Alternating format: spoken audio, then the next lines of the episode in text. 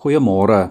Ons kyk veraloggend na 1 Petrus 1 vers 17 tot 25.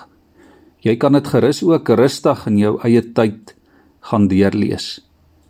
Petrus vra hier 'n paar kernbelangrike vrae. Hy vra: "Hoe lief is jy vir die wêreld? En hoe lief is jy vir jou medegelowiges? Wat weeg vir jou die swaarste?" Is skatte in die hemel vir jou belangriker as skatte op die aarde. Petrus sê daar is 'n verskil tussen mense van Christus en mense van die wêreld. Christene kan nie leef soos mense van die wêreld nie. As Christene moet ons verwag om selfs ongewild te wees by die wêreld. En daarom sê Petrus Christene is vreemdelinge in die wêreld. Ons moenie te lief raak vir die wêreld en te vasraak aan byvoorbeeld materiële dinge of dinge wat nie permanente of ewige waarde het nie. Hoekom is Petrus so ernstig hieroor?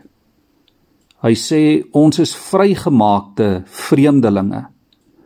Ons vreemdelingskap in die wêreld beteken nie dat ons geen hoop het of dat ons lewe geen betekenis het nie. Ons kan juis lewe omdat ons vry is. Omdat daar duur betaal is vir ons vryheid deur die bloed van Christus, die volmaakte paaslam van God.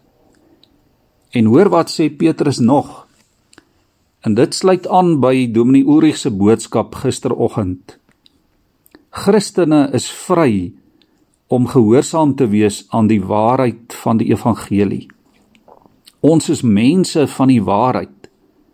God se waarheid is nou die norm vir ons lewe. Die evangelie van liefde vir God en vir mekaar word ons norm. Dit word die waarheid waar volgens ons lewe. Nie meer die wêreldse norm van haat en veroordeling en bespiegeling, onsekerheid, vrees, kwaadwilligheid, ongeloof, liefdeloosheid nie maar 'n onselfsugtige opofferende liefde. Petrus noem dit hartlike broederliefde. Dis 'n vreemde liefde wat die wêreld nie altyd verstaan nie. Maar wat die duidelikste teken is dat jy regtig vry is in Christus. Onselfsugtige liefde.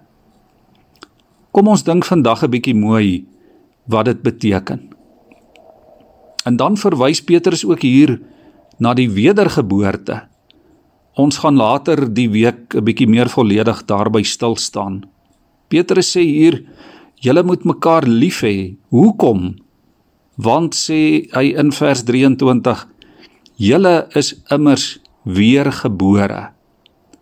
Nie meer mense van die wêreld nie, maar nou weergebore as mense van God vreemdelinge in die wêreld en kinders van God. Daarom lyk ons lewens anders. Ons liefde lyk anders. Ons persepsie van die waarheid lyk anders.